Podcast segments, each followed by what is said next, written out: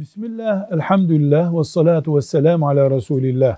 Diyanet işlerinde müezzin olarak kardeşimiz görev yapıyor bir camide. Çok sık işim oluyor. Cemaatimizden sesi düzgün birisine görevimi bırakıp işime bakıyorum.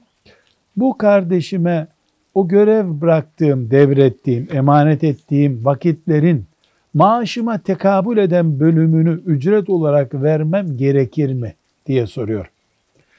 Ayda bir kere, iki kere bir müezzinin acil bir işi çıkıp gitmesinin yerine de bir başka Müslümanı ezan oku diye bırakmasının hiçbir sakıncası yok. İnsan bu ayda bir defa, iki defa böyle bir acil durumu olabilir.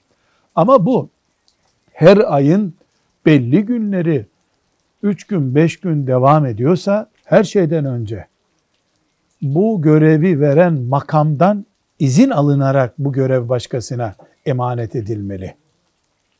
Ve o emaneti alan, senin yerine ezan okuyan kişi de bugünlerin sana tekabül eden ücretini ver diyorsa vermek zorundasın. Velhamdülillahi Rabbil Alemin.